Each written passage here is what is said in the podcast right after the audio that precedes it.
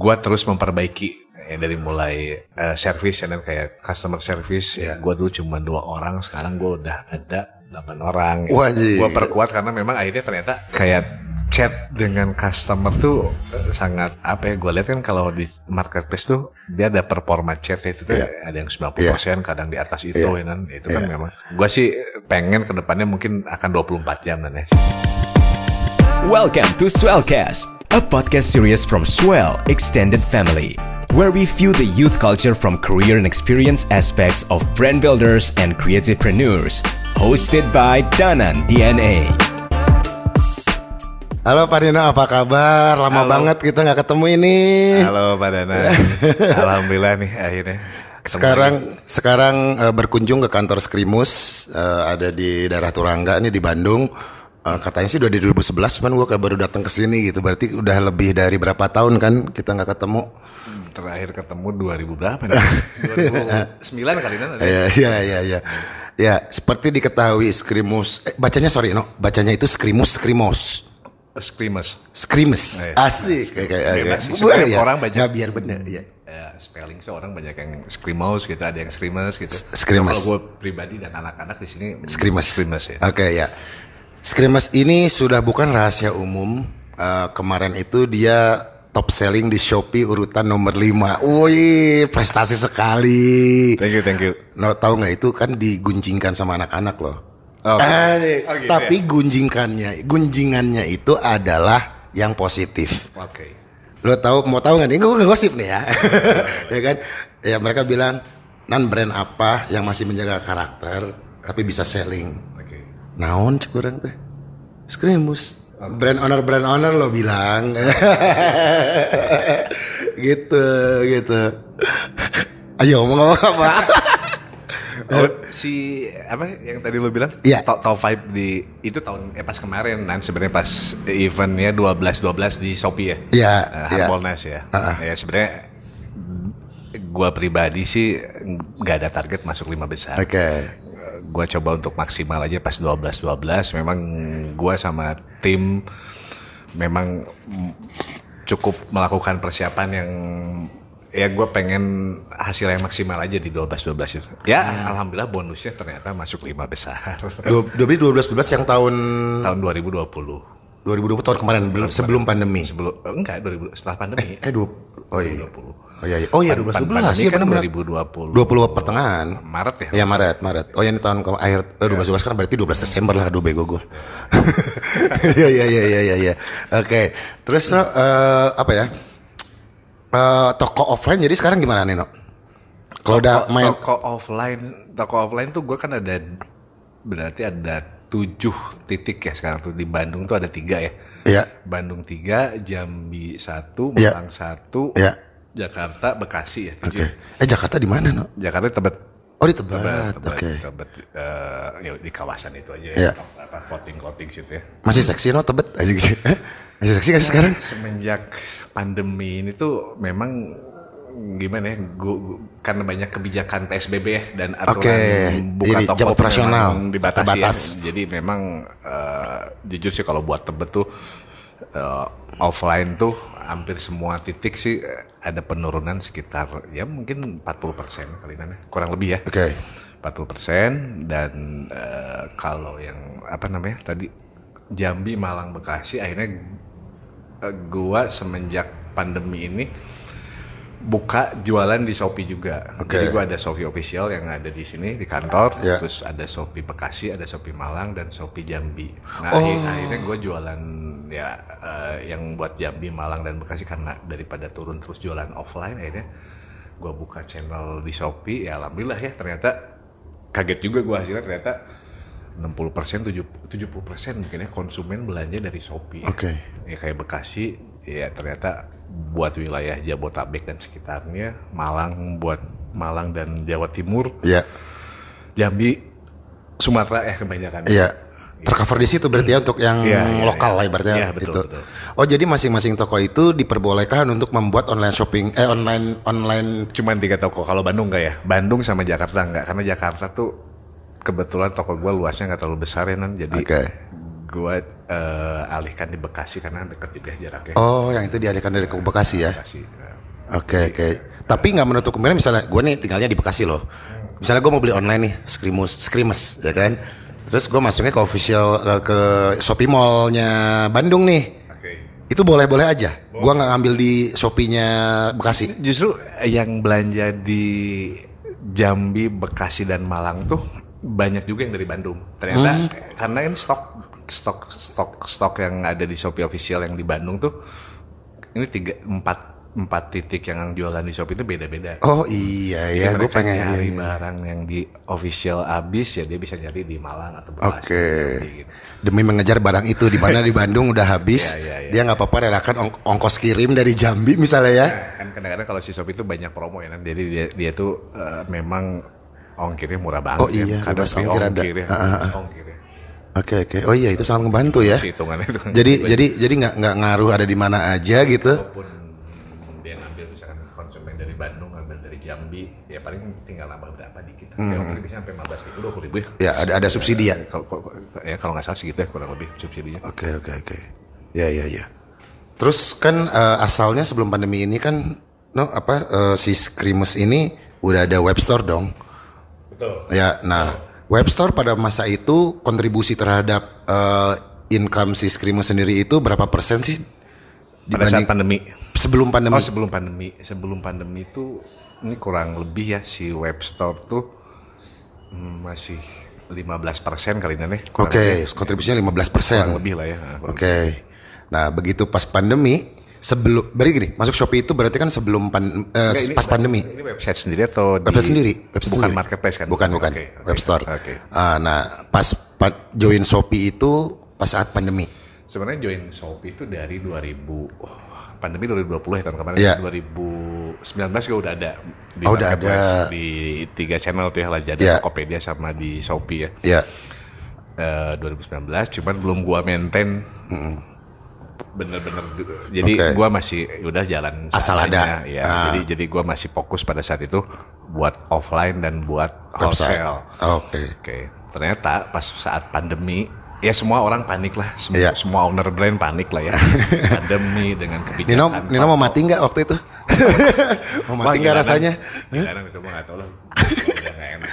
Udah pikiran tuh benar-benar ya lumayan stres juga sih awalnya. Iya, iya, iya. Kaget karena gua juga udah punya target buat di 2019. Iya. Target yang menurut gua cukup besar lah gitu ya. Dan produksi pun gua jalan tuh nggak sedikit juga sih menurut gua Iya, ya, pada iya, saat itu iya. ya. Akhirnya hmm, gue inget tuh bulan Maret ya ada Hmm. event di Lazada ulang tahun Lazada tuh Ya.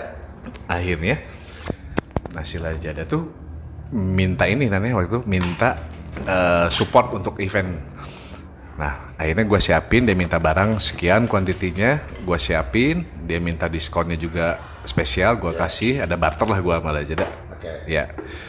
Kaget juga sih kan itu tiga hari sebelum event tuh eh, orang Lazada tuh ngabarin juga sama eh, SPV SPV gue tuh ngabarin dia bilang mas siap-siap nih katanya. Ini yang itu chat udah berapa waktu itu ya pokoknya udah di atas sepuluh ribu lah katanya yang itu chat ya itu chat kan Oh, itu, bisa iya, iya, iya, ya. iya, iya, iya, iya. waduh ini kalau semua check out kan waduh ya gue pikir udah 20 persennya udah 10 persen alhamdulillah Iya, ya, iya, betul. ternyata pada hari H itu kaget ya ternyata responnya bagus banget nah. ya gue lihat si Lazada tuh promonya memang edan-edannya pas Iya. lagi ulang tahun-tahun kemarin tuh di Iya. Maret gue inget tuh akhir Maret ya itu rekor gue sih kan Eh, itu 2000 2020 berarti 20 berarti pas pandemi dong ya? pas pandemi Oke. ya sejujurnya pas itu rekor gua pada saat bu jualan di online Oke.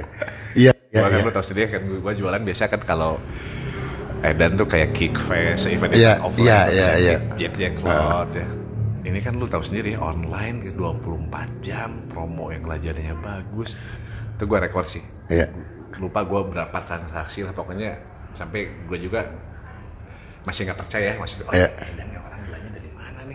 Lihat banget. Ya sawain nu mah liat. sampai pick up barang ke sini juga ya. Maksudnya buat gua sih Iya dong. Iya, iya, iya. ya jadi semangat ya gue melihat ada eh, apa ya opportunity baru lah di saat Betul. pandemi. Oh ternyata saat pandemi itu akhirnya jualan gua tuh 75% sampai 80% pure di online. Iya. Terutama marketplace ya. Oke. Marketplace ya akhirnya ya sampai sekarang akhirnya gua fokus di sana berkembang sampai sekarang gitu gua untuk offline tetap gua maintain tapi ya karena karena kebijakan yang tadi ya PSBB dan lain-lain ya gua akhirnya eh, yang buat tiga toko yang di luar Bandung tuh gua jualan di Shopee kalau Ya. buat Bandung sendiri ya gua udahlah akhirnya gua ngeliat memang kondisi ini kan memang lagi pemulihan mungkin ya, Nan, Ya. pemulihan untuk menuju ya nggak tahu ini new normal yang baru tuh begini kali nan gua, gua Lagi di reset semuanya. kayaknya nih Di reset. ya udah new normal dagang gua tapi akhirnya begini gua Iya. udah ketemu kan Iya. ya udah gua fokus di marketplace di online gitu ya. ya gitulah nan seru banget lah menurut gua sih kayak apa ya kayak banyak eh, experience baru aja Iya. ya gua akhirnya kan ngelihat hmm, ternyata interaksi orang di online tuh buat pandemi itu sangat besar ya. Iya. Gue pun kaget dengan, waduh ini si apa ya, maksudnya sampai akhirnya gue tuh apa ya membuat satu eh, apa ya. Jadi ini udah jadi prioritas sih buat gue si si, si marketplace untuk untuk channel ini jadi akhirnya gue eh, buat satu apa ya, satu divisi baru Iya. khusus gitu ya. Iya. gue akhirnya di saat pandemi kaget juga nih gue kan panik lu tahu sendiri lah banyak layoff Iya. karyawan dan lain-lain.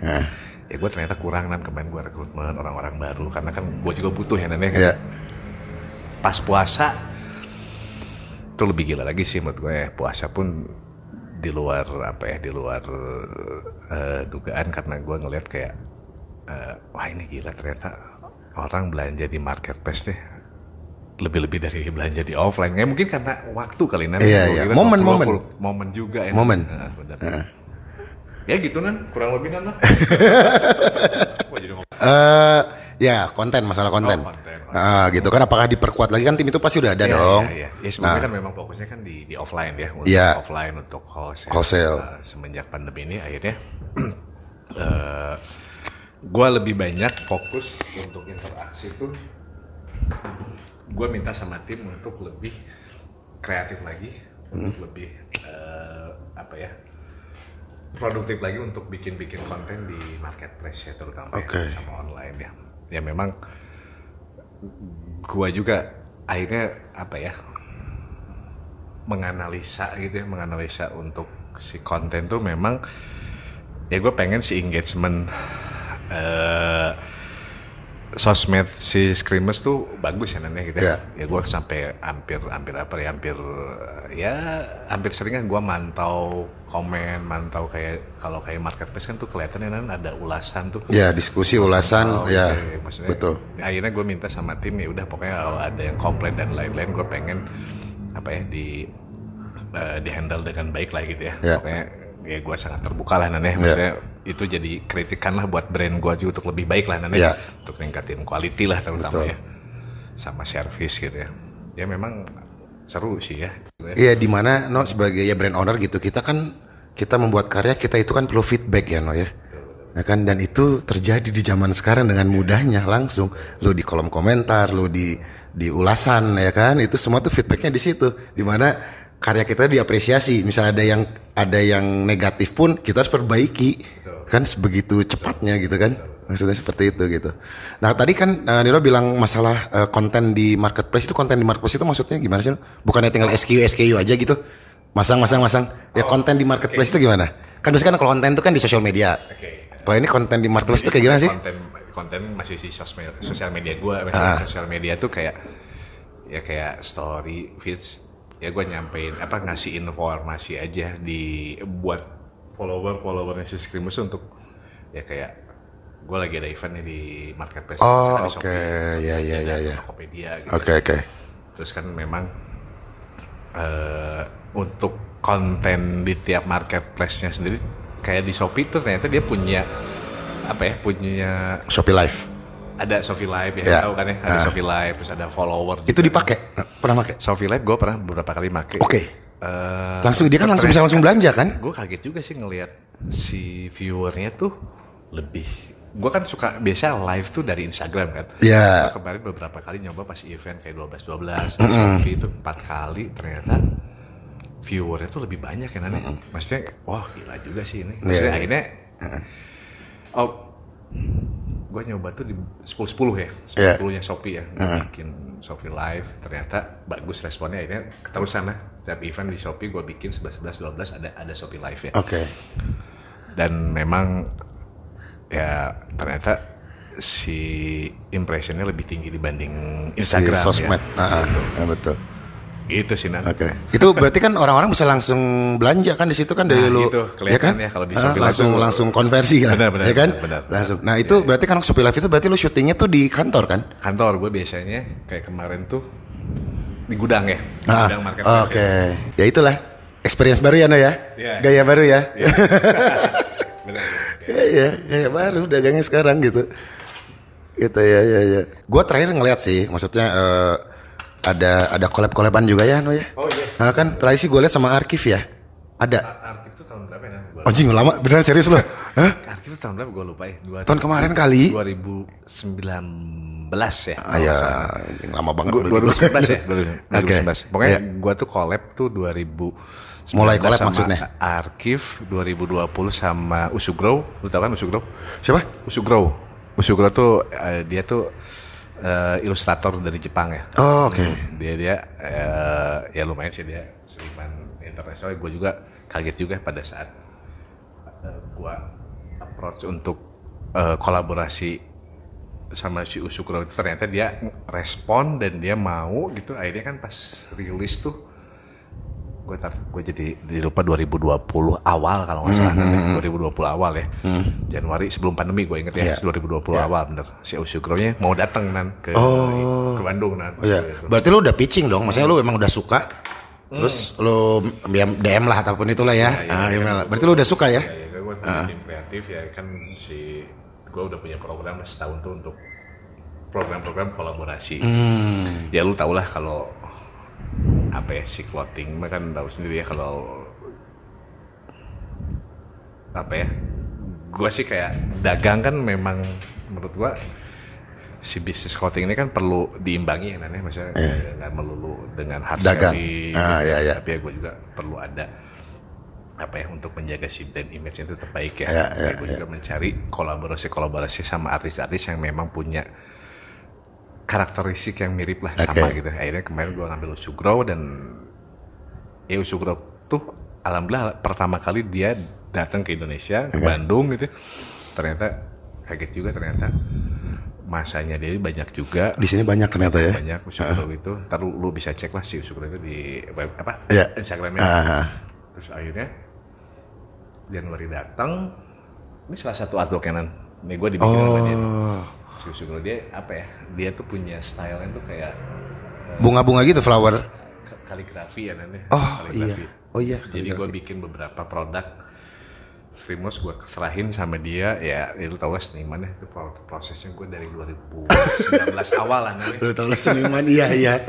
tapi keren sih memang harus begitu ya Iya iya iya. Itu yang harus kita Iya, itu. eh, maklumi ya.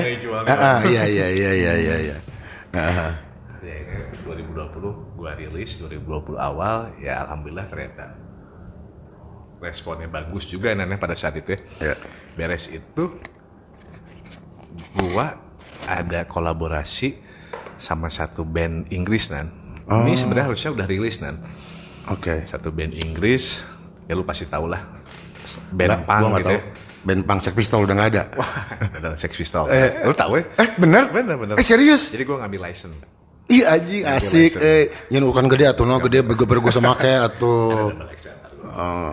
tipe XL lah. Pas-pas aman. gua. Oh, triple ya lu ya? Iya takutnya suspek kan gak tergantung suspek. Gue gil anjing langsung bilang gue XL Gildan heavyweight. Oh, apa tuh kalau di lu? XL Gildan ya. XL Gildan? Triple sih benar triple XL. Triple XL. Karena gua kan sizing gua tuh lebih ke Asia ya. Gua. Iya, gue mau cup Sex Pistol. Nah, ini Terus satu gimana tuh? sedikit ada kendala nan kendalanya itu memang kemarin kan keburu apa ya mestinya gua rilis kemarin tuh di bulan Januari kan. Ya. Eh Desember akhir. Nah keburu kepotong libur kan. Ini kan ternyata memang apa ini jadi pelajaran juga buat gue ya kayak hmm, untuk proses kolaborasi dengan ini kan ada prinsipalnya dari itu kalau nggak salah Sex Pistol tuh sama siapa ya pegangnya Universal ya kalau nggak salah ya Ya. di Indonesia itu dia terus hmm, ada prinsipalnya itu di Australia Ya. jadi dia tuh ada dua orang ya label record sama merchandise yang pegang lah license itu Jadi eh, kemarin ada sedikit kendala ke pending karena keburu libur tahun Natal dan tahun baru. Akhirnya kemungkinan rilis tuh kalau nggak di akhir Februari awal Maret. Ya, tahun ini? Semoga tahun ini tahun Oke. ini. Nah, sekali sedang proses dong. kalau produk semua udah beres semua. Oh, udah Cuman ini kan lagi beres. nunggu eh, apa ya? Gue udah bisa ngambil. Anjing agak gue langsung kebayang wah. Iya terus. Iya iya iya terus terus. Itu itu keren sih menurut gue. Oh, ini harus tayang sebelum itu rilis sih. Gue juga maksudnya kayak apa ya? Ya kan lu tahu lu sendiri Sex Pistol band apa ya, legend lah ya. Iya lah men gak ada yang kepikiran men. Dan legend yang memang ya tahu sendiri dia kan memang apa ya? eh gue lihat beberapa produknya itu buat si ya gua- buat di aplikasi ini produk tuh kayak pas aja matching lah buat Iya, sama si Skrimus. oke. Ya mudah-mudahan kan kalau nggak akhir Februari ini awal Maret rilis ya. Oke. Anjing, no, lu melakukan hal sesuatu yang tidak pernah terpikirkan sama orang lain itu kayaknya. Dan itu gue minta dengan sangat itu lu promosinya, press release-nya, mungkin press conference-nya Nah, itu dilakukan. nanti. Mungkin akan nggak- minta bantuan sama lu ya. Ini ini produknya nggak main-main. Ini produknya nggak main-main. Benar, benar. Ini semua orang layak tahu kalau menurut gua. Betul, betul. Gitu loh, gitu. Itu lu harus tunjukin itu Iya, iya. tah bagong kan gitu kan tah jadi, jadi gitu. memang ya, seru aja sih ini kolaborasi kolaborasi yang dilakukan tuh ya gue tuh karena tim kreatif di sini tuh kayak dia punya program-program yang memang setiap tahun gue pengen ada kolaborasi yang memang eh, menarik aja Nan. ya yang jedang lah kayak dulu kan sama band lokal gue pernah sama di Sigit ya Iya. terus sama beres di Sigit tuh Brian McCarthy tuh eh Brian McCarthy tuh fotografer eh, Iya. 3D ya dari dari, dari luar deh. beres itu Sugro nah ini mudah-mudahan nih si Sex Pistol ada kabar baik nih mudah-mudahan akhir produk sih udah beres. Cuman lagi nunggu kabar dari Australia. Mudah-mudahan sih di Desember apa akhir Februari ini Iya. bisa rilis lah ya. Iya. ya tadi bener kan gue juga kayaknya mesti gue akan sharing sama lu nih buat press connya mesti dan jeda iya, dan dan ini ini adalah eh, menurut gue ya ini saat lu menggrab pasar yang sekarang eh, pasar skrimus yang udah ada. Ya ya ya, ya. ya kan? Jadi justru menurut gue itu berpromosinya itu di luar skrimus Hmm. channelnya skrimus. Ya ya ya ya itu potensinya di situ lu harus manfaatin itu gitu kalau menurut gue ya. Ini cukup absurd sih kalau maksud bukan absurd ya, maksud gue absurd in positive way. Iya, iya. nah kan gitu. Ini ini ya gue merasa ini orang layak tahu lah Oke. orang sangat layak untuk tahu gitu. Dan ini momennya skrimus lah. Mestinya gue jangan ngomong dulu ya. Ah, ya makanya tapi nanti pas, pas ya kan? Produk sudah beres sih. Ah, iya. tinggal itu Kita aja kalau mau nanti. rilis kasih tahu. Jadi kita pas rilis barengan cepat orang langsung tahu langsung ngejar. Ya, berapa ya, hari pas rilis ya ini one day sold out nih mah. Ya kan? Atau nggak tiba-tiba lu tarik ke web store jangan di yang itu di Iya, MP jadi Iya ketarik ke sana. sama gue sih gue pengennya ada launching, launching eksklusif kali ini. Iya, ya ya mungkin gitu, gitu. sekarang di saat pandemi ya paling memungkinkan di online ya. kan. iya, di launching di online. online, ya. Hmm. tapi ada activation offline juga Mestinya begitu ya. iya Ya, ya, pop up atau apalah Nah gitu benar. Ah, Paling gituin aja ya. Ah, ah, gitu gitu-gitu aja gitu protokol kesehatan tentunya ya protokol Oh, tetap jalan ya kan oh, ya. Ah, ah, gitu atau nggak kayak secret gigs kalau kan Moka sering bikin secret gigs Gue kebayangnya tuh tadinya pengen begitu, cuman kan Ah. lagi begini makanya nggak mungkin ya. Nan. Iya ya, si ntar ntar datang satpol pp aja. Nah, satgas covid. satgas covid. Oh iya sekarang satgas covid ya benar. Satpol pp enggak gitu. Aduh, kok gua jadi yang deg-degan dan excited ya ini ya tadi gara-gara dengan sex pistol ya. Pada masanya. Tapi nih. lu nebak juga langsungnya Sex Pistol. Iyalah kalau iya iya band- gua taunya itu. Punk ya siapa lagi ya benar-benar.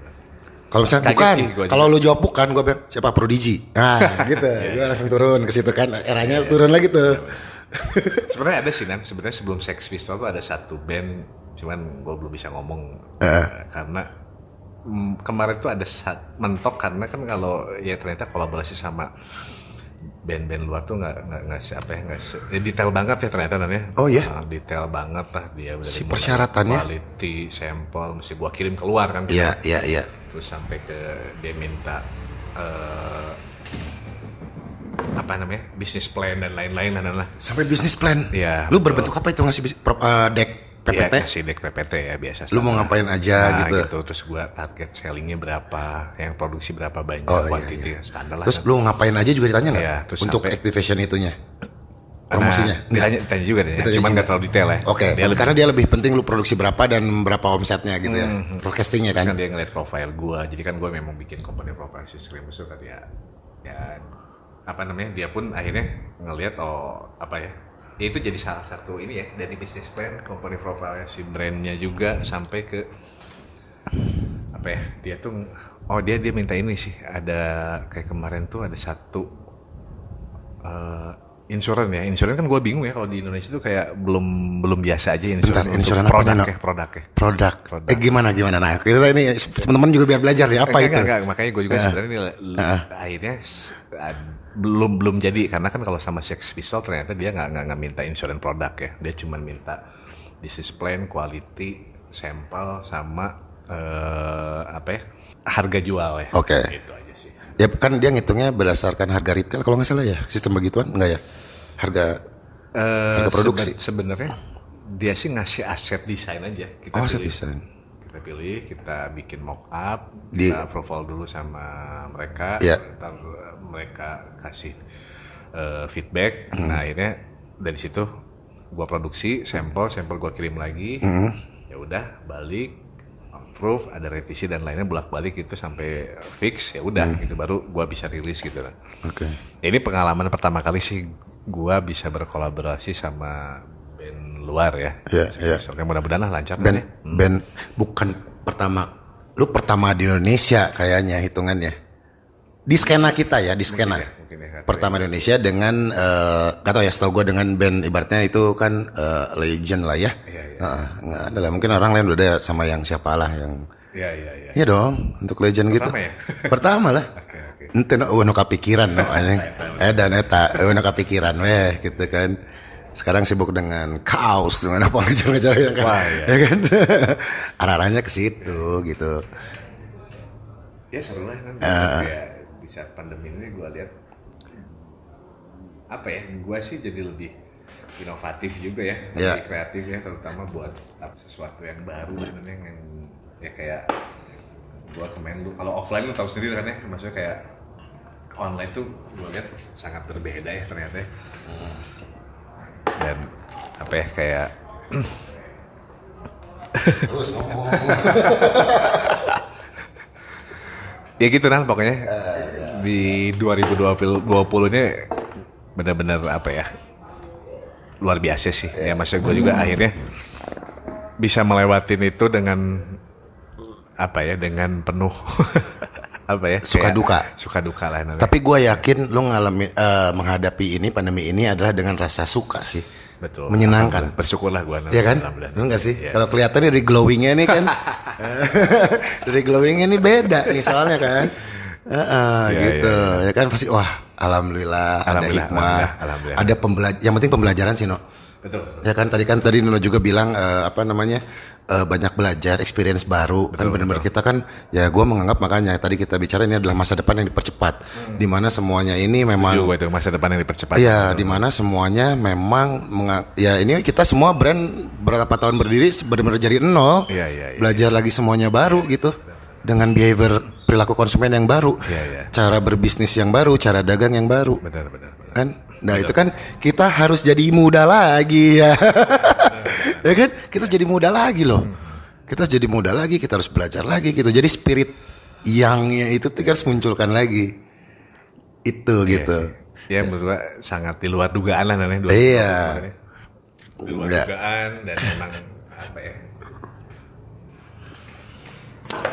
Ya. Lihat sih banyak ini tadi gue bilang banyak experience baru yang akhirnya gue pun kan merasa kayak gue kayak mau mulai bisnis baru lagi nanti Iya.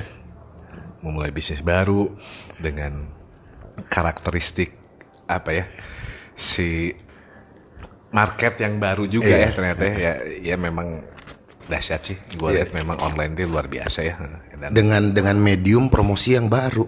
Ya sekarang Nino kapan lagi ngeliatin engagement ngebandingin antara Shopee Live dan sosmed gitu kan. Benar, Dulu mana ada Iya, ya iya, kan. iya, iya. Gitu kan. Dulu mana ada dengan feedback yang langsung dari Iya. end user ke si produsen lo bayangin.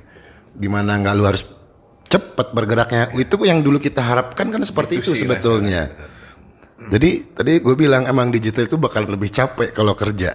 Karena kita makin lebih tahu masalah dan kita harus berpikir cara mengatasinya dengan cepat. Kreatif pasti dituntut, tapi orang yakin lah. Ini scrimmage jadi udah berapa tahun ya? gue mulai dari 2004 ya ya Oh 2004. 2020 berarti eh, ini tahun ini tuh tahun ke 16 17 17 ya Nan? 17. 17 an benar. 17 wah ABG nih. 17, Heeh. benar. Budak mana yang geus ABG no. Heeh. Ke keur meujeun-meujeunna sebetulna Iya, pas iya. pisan. Iya.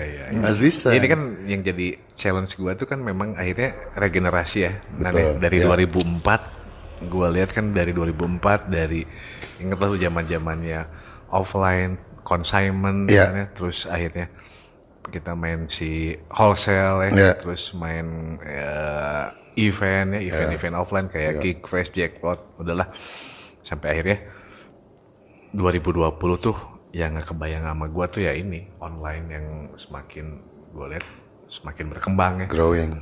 growthnya luar biasa sih Dan menurut gua. pesat kayak banget. gue lihat kayak ini gila sih si marketplace tuh ya lu lihat lah kayak Shopee, Tokopedia, Lazada tuh mereka tuh kayak apa ya? Ya sekarang gua belanja pun apa sih nan? Kayak gue kan kayak seneng belanja gue ngebako kan bako gue sering cari di Tokopedia kayak gitu Oke. ya. akhirnya kan oh ya ternyata eh, seru juga ya belanja online tuh ya. Ya orang semakin percaya. Nah itu nan kan eh, yang menjadi challenge gue tuh akhirnya kalau online tuh kan experience orang tuh nggak tahu barang ya makanya gue tuh benar-benar harus bikin foto yang bagus untuk si eh, produk ya Iya.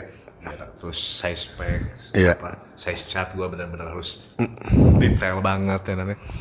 Jadi apa ya menurut gue sih harus memang beda banget ya kalau Iya. offline ke online tuh ya tadi benar juga kata lu ini bisnis yang dipercepat ya.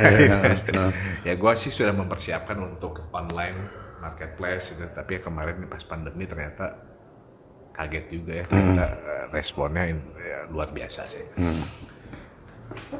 Begitu Bapak Nang. Iya iya iya iya. iya. Iya kalau kalau kita Lalu di- gimana kalau ngelihat sekarang perkembangan si clothing? Iya, kan kalau di- pandemi itu gimana? Iya benar. Tadi kan kalau kalau di toko itu kan orang bisa pegang ya hand feel-nya bisa dapet, dia bisa langsung fitting. Kan itu fitting penting ya, maksudnya gitu kan. Ya satunya adalah mediumnya itu. Nah sekarang kan digital nih. Ya orang benar-benar ngelihat size pack yang ada di apa foto SKU-nya ya kan. Iya, iya, iya. SKU-nya dia lihat size pack dia ngukur sendiri, terus dia belum walaupun kita ada deskripsi sejelas-jelasnya tapi kan bisa beda. Ya kita harus tebak pikiran orang ya kan. Iya, iya. Nah gitu. Nah benar jadi berarti kan salah satu poin yang penting adalah gimana caranya kita delivery barang produk bagus itu sampai ke konsumen Betul. dan dia puas. Berarti kan salah satu poin yang penting di era digital ini adalah masalah produk ya kan, material dan kawan-kawan termasuk deliverynya ya kan, cepat tidaknya gitu kan.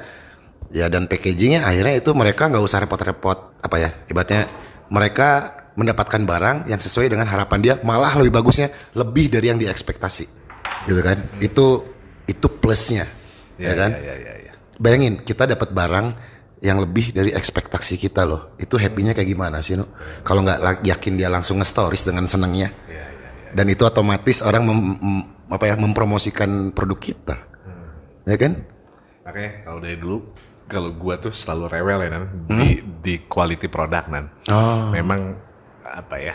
Gua selalu pengen menjual barang tuh dengan kualitas yang baik tapi eh, apa ya? Maksudnya harga terjangkau Nan ya. ya harga terjangkau Ya, tapi kualitas oke Iya. Heeh. ya pokoknya eh kalau gua lihat brand luar tuh kayak Uniqlo ya Nan. ya. Oke. Lu tahu Uniqlo lah ya Iya. dengan dengan kesimpulannya dia, quality dia dan Iya. harga yang terjangkau. Iya. Ya gue sih banyak banyak melihat belajar dari dia juga sih Oke. salah satu brand Iya. yang memang jadi referensi si Screamers ya gitu. Eh buat gua pribadi lah gitu. ya Jadi memang gua sih nggak pengen si konsumen tuh puas ya akhirnya kan lu tahu sendiri lah setiap tahun. Harga bahan tuh selalu naik Iya, iya. turun dan iya. Ya naik terus ya nggak pernah turun ya? harga, harga jual lu, lu zaman dulu berapa nan? Masih di masih di bawah 100 ya nan Iya. di bawah 100 ribu lah kaos Iya. 75 90 75 sempat sekarang kan udah nggak mungkin ya masih Iya. udah itu lu harga di bawah itu udah bootleg kali ya. Udah barang-barang yang bootleg lah ya. Iya iya iya Ya gue sekarang udah jual kaos tuh udah di atas 100 185 ribu ya ya. oke Ya tapi kan gue juga ya gitu ya gue memberikan harga yang sangat kompetitif lah Nan, ya. Iya. ya ini ini serunya di online tuh begitu kan gue lihat online marketplace tuh memang akhirnya selain quality produk yang bagus harga jual mesti kompetitif Iya. promo apa konten yang baik juga Iya. kan jadi memang gue pikir tuh kan kalau buku buka toko offline tuh gue bikin toko lokasinya bagus gitu kan Iya. interiornya keren lah Iya, segala. benar. promosi zaman dulu kan paling apa sih kan zaman zaman flyering kayak Iya, gitu, kan ya, flyering. gitu terus akhirnya kalau kalau gue lihat online tuh ternyata lebih detail lagi ya kalau Iya. gue lihat ya karena kan memang ya experience customer pun dia nggak bisa lihat langsung barang ya namanya Iya. akhirnya ya gue terus memperbaiki ya, dari mulai eh, service ya dan kayak customer service Iya. gue dulu cuma dua orang sekarang gue udah ada delapan orang Wajib. gue perkuat karena memang akhirnya ternyata kayak chat dengan customer tuh eh, sangat apa ya gue lihat kan kalau di marketplace tuh dia ada performa chat itu tuh ada yang 90% kadang di atas itu Iya. ya kan itu kan memang gue sih pengen ke depannya mungkin akan 24 jam dan ya Oke. Karena mantap. gua pengen apa ya eh, apa ya, servis yang bagus barang juga akhirnya cepet sampai ya. Ya, Karena kan kalau lu tahu sendiri lah kalau di Respon kan admin ramah barang cepat sampai. Nah, Ah, gitu. paling banyak. Kalau kalau ma- main di online tahu sendiri kan netizen tuh konsumen tuh waduh Iya. ya, macam-macam lah ya. Iya, iya, iya. Kadang-kadang dia baru order udah nanyain kapan barang sampai kan Si anjing. ya gitu lah. Terus sekarang kan ada fitur baru kayak COD. Lu, tahu Oh iya, COD. iya, itu iya. kan COD itu gua pikir tuh kan ini kebijakannya masih belum belum jelas sih gua lihatnya kayak COD itu ternyata gua pikir dia udah transaksi kan namanya cash on delivery ya namanya. Tapi begitu nyampe ke konsumen tuh kadang-kadang ada yang diretur lagi. Betul. Dia ngerasa nggak pesen, ngerasa barangnya nggak cocok. Wah kata gua tuh. Iya. Ya ini sih masih masih apa ya? Iya.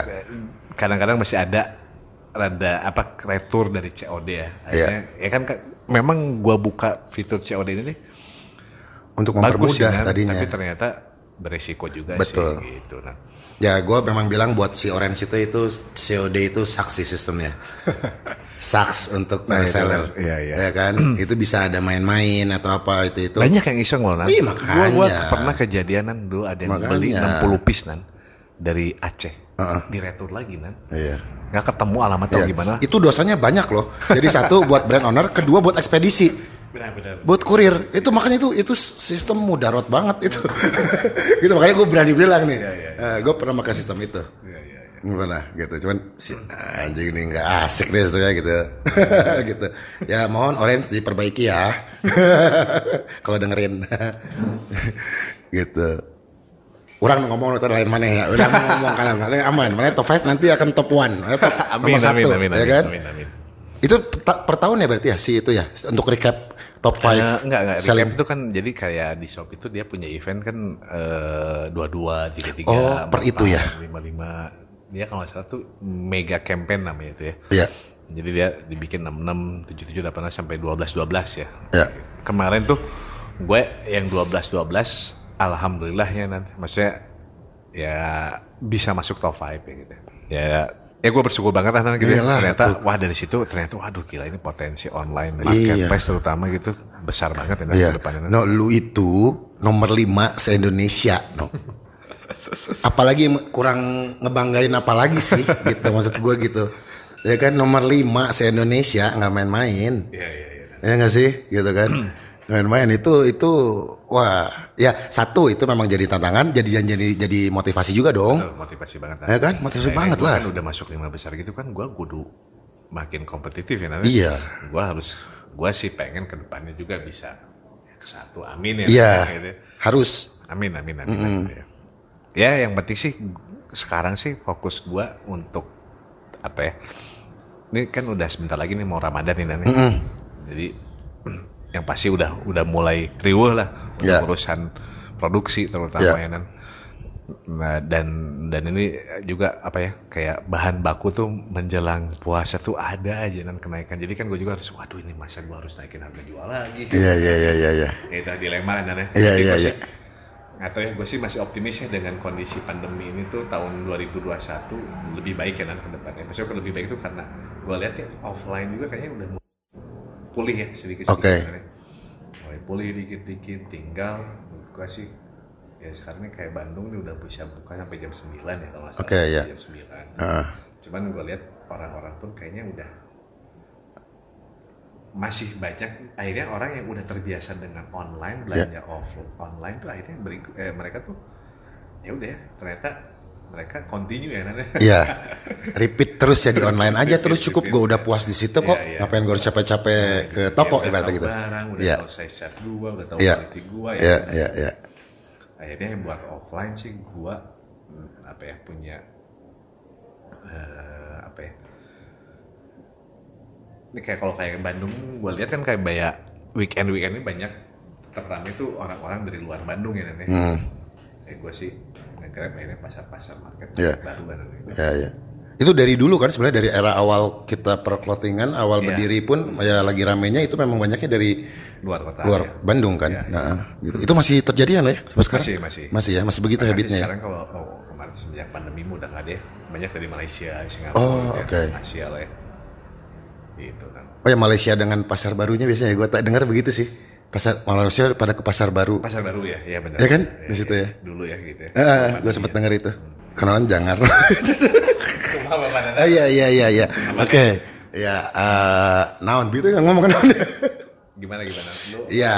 nge- ngelihat Eh ya benar sih memang jadi ya online itu sebetulnya kita tuh ibaratnya kayak memiliki toko tapi berbentuk cloud ya online gitu ya. Iya, iya. kasat mata sebetulnya ya kan tidak fisik gitu ya. Nah tapi perintilan ya tadi yang Nino bilang itu kan kalau kita buka toko kita kan flyering interior bagus gitu ya kan. Iya. sebetulnya sistem itu sama dengan di online. Betul betul betul. Itu toko kita kita harus mempercantik Betul, ya kan. mempercantik, ya. mempercantik kita berpromosi Betul. dengan cara yang berbeda aja. Betul, caranya cuman memang tambahan detailnya lebih banyak dari packaging pengiriman jadi sub sub apa ya komponen faktor-faktor pendukung lainnya itu emang harus lebih detail gitu. Ya menurut gue sih infrastrukturnya juga lumayan ya. Nah, infrastrukturnya juga. di online tuh memang apa ya Nang, ini gue kadang bingung juga ini kayak gue punya web store sendiri pun akhirnya jualan tuh kalah ya sama marketplace tuh. Ya ya. Waduh gila nih ternyata kan web store sendiri gue investasinya gue mesti bikin web gue Ya. mesti punya tim IT Ya. wah, wah, ternyata cukup eh, tinggi juga ya Nane kalau Ah, memang gue mau serius di ya. situ costnya Ah. nah, akhirnya gue memutuskan di marketplace tuh yang gue kaget tuh ternyata eh, dia tuh sam, eh, buat cost tuh kayak admin fee ya Nane admin Ya. fee tuh lu zaman konsumen lu inget kan kayak naruh di toko di 25 persen 20 dua puluh lima persen tiga puluh Ya. paling tinggi ya namanya. Ya. tahu kan admin fee buat di marketplace berapa Ya. persen? Tahu nggak? Lima persen. Ya kan? lima persen. Ya Shopee Mall kan? Tapi mau coba ya nane ya? Gue nggak tahu lah dia mereka mereka punya punya hitungan sendiri kali ya, ya, nane quantity juga Betul, betul. akuisisi Quantity, seller akuisisi seller. Ya kan dulu gua inget awal-awal punya brand tuh gua punya second brand dulu namanya Nine Core kan apa dulu? Oh iya dulu punya. Apa namanya? Nine Core Nine Core. Nine Core. Nine Core ya. Oke. dulu, dulu gua naruh di Dep Store kan. Ya. Masuk Jogja kayak gitu lah.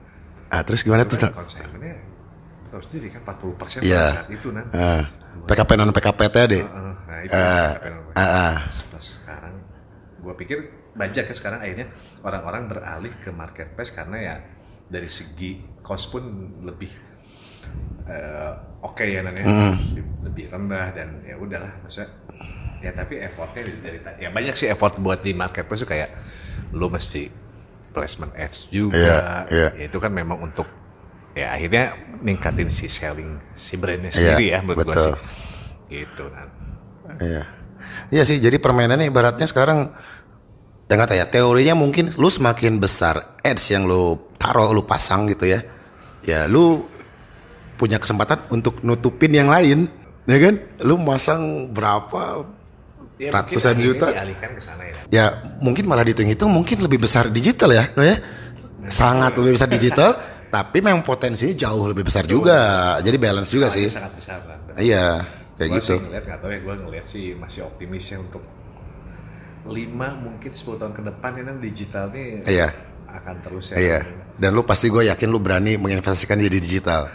pasti pasti. Hajar, hajar terus gitu kan. kaget juga sih dan maksudnya kayak, kayak sekarang gua tuh produksi tuh hmm, zaman-zaman dulu kan lu tahu sendiri ya maksudnya artikel banyak quantity eh, sedikit ya? Secukupnya. masih di bawah 100 Iya. ya gua bertahap lah gua dari 2004 tuh Iya. dari inget gua dari pertama punya brand tuh clothing tuh dari dua losin eh slosin eh slosin eh dua losin naik naik naik sampai sekarang tuh jadi gua punya eh semenjak pandemi ini kuantiti gua tuh udah seribu dan Hmm, satu artikel ya. 500 sampai 1000 lah Iya. satu artikel ya karena jangkauannya ini Betul. nasional ya Lu namanya. ngasih makan nasional. nasional 34 provinsi gitu kan market share-nya kan sangat besar ya ya. Iya.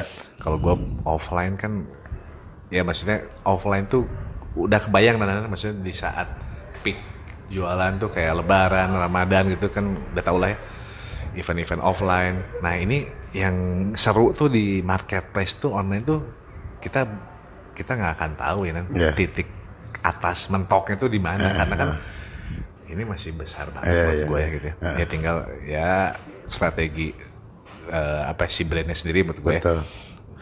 Iya. Sebenarnya strategi mentoknya itu sebetulnya kalau gampangnya kita mikirnya adalah begitu ada orang masuk yang lebih besar spendnya, ads-nya, itu kita tutup. Makanya untuk menyikapi itu kita harus ya engage dengan konsumen, gitu kan, untuk menjaga itu. Gue lihat untungnya kan apa namanya gue tuh dari dulu tuh memang si sosmed gue udah gue maintain lah maksudnya organik yang gue jalanin tuh memang udah apa ya eh, walaupun masih banyak yang gue terus perbaiki gitu ya. Hmm. sampai akhirnya follower gue sekarang berapa gue ada dua dua akun Scribus Store sama Katalog. Scribus 55 ya Oh, Store 55. buat katalog 55 buat Brand. branding lagi Ah. activa- activation dan lain-lain lagi deh itu follower gue tuh yang store tuh 400 berapa nih 70 ribuan kalau salah Oke. ya. si itu 220 ribu ya yang Oke. 55 ya maksudnya eh, apa ya gue lihat ternyata follower follower ini tuh kan eh, apa yang gue lihat tuh hmm, gue pengen ningkatin si engagement ini terus Iya. pengen apa ya pengen lebih hmm, lebih baik lagi dengan maksudnya dalam dalam apa ya konten atau interaksi gitu kan. Interaksi. Nah, ya gue pikir iya. itu kayak gue nge karena si Screams itu kan dari 2004 tuh memang market share gue tuh kalau gue perhatiin tuh umur Range umurnya? 17 sampai 34 tahun ya. Oke. Maksudnya kan dulu ya umur-umur kita sekarang lu berapa nasi? Eh, gue masih 1734 masih masuk, masih masuk gue pasal skrimus. ya kayak Sekarang gimana? PR regenerasi ya. Sekarang masih masih Masih segitu ya? 34. Enggak, tiba-tiba udah ke 40. Enggak, enggak. Oh, enggak. Oke, oke. Ah, TikTok udah main? TikTok tuh gue udah bikin akunnya cuman belum aktif. Belum ya? Belum belum aktif. Karena ya tadi kalau kita bicara sa- masalah regenerasi, TikTok itu salah satu tools untuk regenerasi. Iya, iya. Terus gue denger TikTok tuh komen-komennya positif semua ya. Yes, beda. Beda Ah, ya? beda, Beda sama Twitter, Instagram. beda. Instagram, beda. ya. TikTok is just for fun. Nggak ada Ya kan? komplain kan? Itu, itu masing-masing sosmed Lu itu kan gimana sih TikTok ke depannya bakal ini sekarang sosmed nomor lima besar tuh masih satu masih Facebook ya kali ya? masih Facebook, masih Facebook Ah, kali ya? gitu. TikTok ini lumayan game changer ya. Di mana kita saat ini kan tren kemarin adalah Instagram gitu nah ya. Oke. Di mana itu sangat kuat di visual. Ah, Oke. ya kan? visual benar. Ya kan? Sementara TikTok berubah dat masuk gitu ya. Gerakan. gerakan dan lu bisa di rumah yang baru dibangun udah bisa bikin video. Iya iya iya. iya. Twitter dulu lebih ke Dulu cool tweet ya, cerita. Tweet, ya. Nah, sekarang udah serang-serangan SJW banyak gitu. Nah, maksud gua TikTok ini kan nah pasarnya tuh bener-bener anak-anak Iya, gitu. Fun, ringan dan lu bisa syuting di mana aja untuk take konten gitu loh. Instagram dia masih agak segan mikirin anjing gue jelek gitu kan karena terdidik seperti itu ya Instagram toolsnya tuh gitu. Nah TikTok tuh tidak seperti itu, berarti kan dia lebih mass ya kan, lebih mudah semua orang. Nah salah satunya mungkin untuk regenerasi ya mau nggak mau harus masuk TikTok, harus diskrimuskan sejak dini ibaratnya, ya kan? Ya nggak sih? TikTok. Hah? Lu punya? Gua gua ada.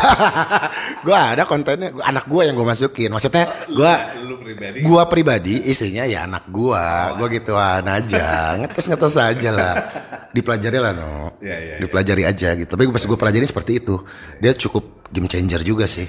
Nah, makanya bisa visual ya lebih. Iya, lebih gerakan visual dan lu bisa di mana pun dan orang orang nggak segan gitu. Vis- eh, kalau Instagram orang masih malu-malu kali harus bagus harus apa. Nah, gitu benar. Ya kan, agak lebih terkurasi gitu kan. Jadi nggak banyak gimana, merusak fit lah apalah. TikTok masih cut, ya kan. Dan TikTok itu bukan based on, jadi gini, TikTok itu tidak ada jam rame. Jadi gini, kalau di Instagram itu kan kita Time-time-nya ada gitu. nggak ada. Kalau TikTok, TikTok bener-bener begitu lu punya konten yang menarik, kapan pun lu posting kalau itu menarik itu bisa viral, bisa masuk home atau apa pun lah sebutannya ya, FYP atau apa, gitu kan. TikTok sama kayak ada selebgram itu ada juga sama. Ada tapi ada ikutan tapi biasanya yang terkenal di TikTok tidak terkenal di Instagram, Instagram juga tidak terkenal di Beda. TikTok. Oh, Ah, udah beda main, beda main, beda skena.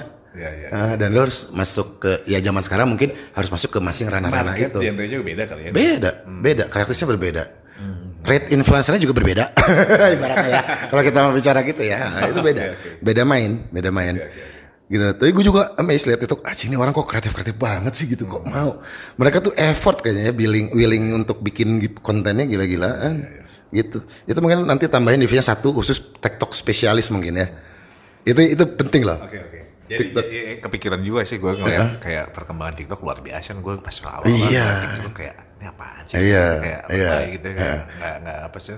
Apa sih ini maksudnya kayak tidak bermutu ternyata Iya. gue lihat sekarang gila ya orang yang main TikTok tuh bang Betul. banyak banget ya. Banyak banget. Dan ternyata ads-nya juga udah mulai ini Iya udah main, betul udah main. Sering-sering ikutan si si Screamers ini ikutan misalnya nanti udah ada admin ya yang ngurusnya gitu ya. Sering-sering ikutan challenge yang dilakukan oleh si TikToknya itu sendiri. Begitu lu sering ikutan challenge-challenge itu, lu punya ada challenge-nya juga. ada challenge yang dibikin oleh TikToknya nanti tinggal itu eh, hashtagnya apalah gitu ya, lu ikutan berpartisipasi. Kalau lu berpartisipasi, lu ada kemungkinan masuk ke si home-nya, bisa gampang dieksplor. Oke. Nah, rumusnya sosial media sebenarnya gampang. Semakin banyak lu menggunakan fiturnya mereka, lu akan dibantu juga oleh mereka. Oh gitu. Fair enough. Iya benar benar. Iya dong. Kalau lu tiba-tiba ya pengen bagus tapi lu nggak pernah ikutan ya bersumbang sih kepada mereka ya lu nggak akan dibantu. Gitu. Dan ini berlaku juga buat musik, masa Spotify dan kawan-kawan. Begitu lu single lu, lu mempromosikan promosikan, eh gua ada di Spotify listen swap up atau gitu-gitu ya. Nah, kita tuh ada terms khusus di mana nanti akhirnya kita bisa masuk eh, playlist yang dibikin oleh si Spotify itu sendiri Oke oke. gitu so win-win kalau menurut gua gitu terus misalnya lu mau di pitching masuk masuk playlistnya di negara lain gitu ya ya lu harus apa nih promosinya lu? Oke gua pakai ads nih untuk single ini dan kawan-kawan gitu. Persis sama. Jadi Ini lu kayak kayak lu bikin podcast ini kan Ya. keren juga sih menurut gua. Kayak maksudnya lu ngangkat clothing bisnis lah ya. ya roots eh roots ya lainnya di situ lah. Terus maksudnya lu akhirnya eh apa memilih untuk Ya, terus saya memilih untuk gimana? Terus terus. Untuk fokus di podcast ini karena apa sih kan gue liat eh keren juga sih lu maksudnya pengalaman lu kan yang setahu gue dulu lu pernah juga tuh di Iya. acting, di musik ya Ya, ya sebenarnya gue tuh rada ngacak sih. Tapi kalau ditarik garis besarnya, gue itu selalu bersinggungan dengan sesuatu yang berbau youth culture. oh, oh youth culture benar benar Ya kan dari musik, gue bikin record label dulu di Bandung. Ya kalau di Bandung gue kerja di clothing, ya kan? Gaul mainnya situ. Jadi kan dari awal pergaulan sampai bekerja sampai gue ke Jakarta pun sebetulnya gue kenalnya sama anak-anak clothingnya sana juga. Secara nggak sadar itu tuh gue gua alamin. Nah ini yang ngebuat gue pikir pandemi ini ah ya udah deh gue maksudnya memanfaatkan waktu kosong dan gue harus uh, ya dengan era seperti ini gue harus lari juga gitu kan? Bikin konten is all about konten kalau digital kan ya udah yang gue pahamin aja. Yang gue pahamin aja no nggak mungkin gue tiba-tiba bikin konstruksi gedung gitu kan nggak mungkin gitu loh maksud gue jadi ya udah gue ini aja dan dan gue sadar ini tuh lokal lokal ya clothing entrepreneur itu banyak banget dengan Cara mudahnya promosinya sendiri gimana sih kan di, di podcast tuh Iya, gue sih pakai tahu akan ada si podcast lu lu jaringan teman ke teman, no. oh oke oke Ya kan? Ya misalnya gini, gua sama Nino nih ya, ntar kita edisi publish. Oke, publish no, cepret. Ya mungkin Nino akan restoris minimal. Oh, oke Atau brand, akun brand mungkin. oke oke oke Ya kan? Ya sesimpel itu, itu paling simpel. Oke, oke. Itu paling simpel. Gitu dan ya, ya itu sih paling simpel. Dan sekarang ini kesempatan itu dari apa yang kita lakukan itu kadang-kadang tidak pernah terpikirkan oleh kita. Kesempatan itu sangat luas dan yang kita nggak terpikirkan itu bisa datang no, di dunia digital ini. Unpredictable lah ya. Unpredictable. Oke, oke. Tapi selama orang tahu kita akarnya di situ, itu akan nggak akan jauh bersinggungan dengan apa yang kita lakukan Iya, iya. di dunia maya tersebut. Iya, iya, iya. gitu. Orang sih percaya eta. Nggak tahu kalau Padiki dari panen maya, yang lebih suhu. Lu udah, udah interview dia? Enggak, belum, belum, belum. Tergantung Invictusnya masih ada apa enggak. Kalau masih ada, gue interview. Ada ya? Gua ada. Nggak tahu gue, makanya dia kan, eh, kan. Lu berarti ini udah jalan berapa brand ya? Eh, gua itu udah nabung sampai ada 13 episode. Berarti Dan rilis perdana tuh hari ini. hari ini tadi barusan perdana berapa? Tadi eh, ya sebenarnya tadi malam gua upload. Berarti harus dirayakan ya. Ya kan? Bikin launching nggak? Nggak bikin. enggak, enggak. Ini just go Promo with the flow. belum, Promo cuman sosmed stories sosialnya teman-teman ngangkat stories dan kawan-kawan. Ya, Oh, perdana tadi hari ini. hari ini gitu. Ah, episode stay hoops, stay hoops, stay hoops kos kaki. Oh, Kosaki. Oke. Gitu. Nanti mungkin kalian boleh dengerin kalau ada waktu mendengarkan sebelum Ntar tidur. dengerin. Oh, kalau sebelum tidur. Linknya tadi lu kirim ya? Apa? Ya ada ada ada gitu. Gitu. Oke Pak Reno kayaknya saya harus eh, cuci piring dulu nih di bawah ya. Kita udah sejam nggak kerasa nih ya. Saya cuci piring dulu karena banyak ya, cucian Nen? gitu. Iya, bener. Senang sekali loh bisa bisa ngobrol akhirnya sekian lama gitu. Iya, Gue bisa silaturahmi lagi akhirnya dengan alasan podcast ini gitu kan. Kalau nggak ada pas ini mungkin kita susah ketemunya. No? Bener, bener. Di Jaklot gue ngeliat kayak gedung aja tapi nggak mungkin Ninonya ada. Oh, lu pernah? Ah ya gue datang lah. Lu nggak ngabarin gue? Datang lah. Oh, serius lu? Ada gue liat anjing. selalu ada, cuma gue paling datang berapa jam. Ah, Iya ini mah mindahin toko ini mah Nino ke sini gitu segedong-gedong gini bikin gitu kan. Gue, gue event-event offline ya. Ya, mudah-mudahan gitu. tahun ini nanti. Iya.